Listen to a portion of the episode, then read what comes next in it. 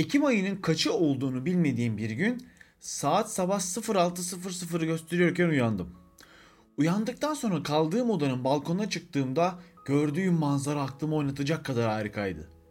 Ya bir insan her gün bu manzara uyanmak varken neden başka yerde uyur ki diye düşünüyor, huzurlu olmam gereken bir anda üzülüyordum. Şimdi bu cümleleri bir gezginin yanında kurarsanız ve nerede olduğunu tahmin etmesini isterseniz ilk iki bilemediniz üçüncü seferde bu anlatılan yerin Kaş olduğunu söyleyecektir bizlere. Kaş'a gelmeden önce her gelenin defalarca geldiğini dinledim durdum. Bizler gibi arkeoloji meraklarını sunduklarının yanında muhteşem doğası, harika manzarası da göz alıyor. Otele gelirken her yerde gördüğümüz kalıntılar umutlandırıyor bizleri.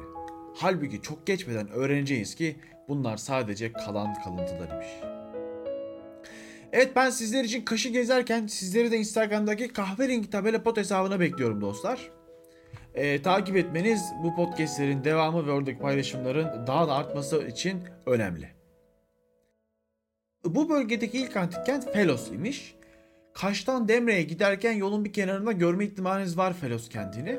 Fakat şu anki Kaş'ın altında bulunan Antipelos olacak konumuz. Tepedeki Felos'un liman kenti olarak kurulmuş Antipelos. Felos sakinleri kıyıya inip burada da bir yerleşim kurmaya başlayınca görmüşler ki burada sedir ağacı ve sünger ticareti yapılabilir. Kaynakları daha kısıtlı olan Felos kenti zamanla geriliyor, Antipelos ise bu ticaret etkinliği sayesinde büyük bir kent oluveriyor. Bu ticaret hacmi de Roma döneminin sonuna kadar devam etmiş. Patara'dan sonra bölgenin en büyük limanlarından biri olarak da yıllarca yaşamını sürdürmüş. Şimdi kentin kuruluş hikayesinden bahsettim ama geçmişinden bahsetmeden geçmeyelim buraları. Felos ve Antifelos kentlerinin olduğu bu bölgede M.Ö. 6. yüzyıldan beri yerleşim kalıntıları görülmüş. Bu iki kentin büyük bir kent olarak siyasi birliklerini sağlaması da M.Ö. 4. yüzyılı buluyor.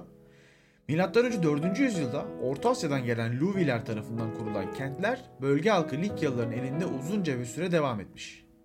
Likya Birliği oluştuktan sonra bir oy hakkı ile siyasi açıdan etkisiz kentlerinden biri olsa da ticaretiyle Likya Birliği'ndeki önemini korumuşlar. Şimdi Antipelos'u gezme amacıyla Kaş'a geldiyseniz çok bir şey göremeyeceksiniz. Hani bileni bilmeyeni herkesin mutlaka görmek istediği bir tiyatrosu var.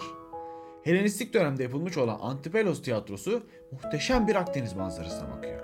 Yöredeki yerel kireç taşlarıyla inşa edilmiş. Tahminen 4000 kişilik olduğu düşünülse de daha fazla kapasitede olma ihtimali üzerinde de durulmuş çalışmalar okuduğumda.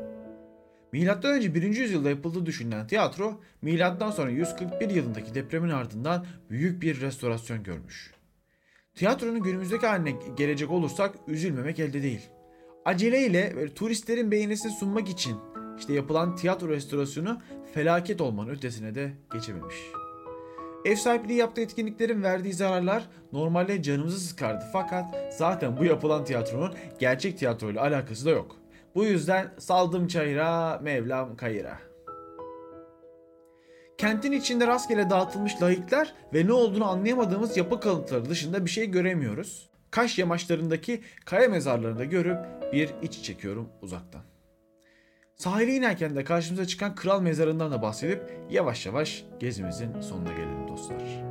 Üzerinde aslan başları olduğu için bir krala ait olduğu düşünülen lahit mezarı sıradan bir insana ait olduğu anlaşılsa da ismi ilk koyulduğu günkü gibi kalmış. İlk isminin Hebesos olduğu, en yoğun zamanında 15 bin nüfusa sahip olduğu düşünülen Antifelos kentinden hepinize hoşçakalın. Bir sonraki podcast'te bizleri üzecek değil de mutlu edecek bir yere gidebiliriz belki. Sağlıcakla kalın.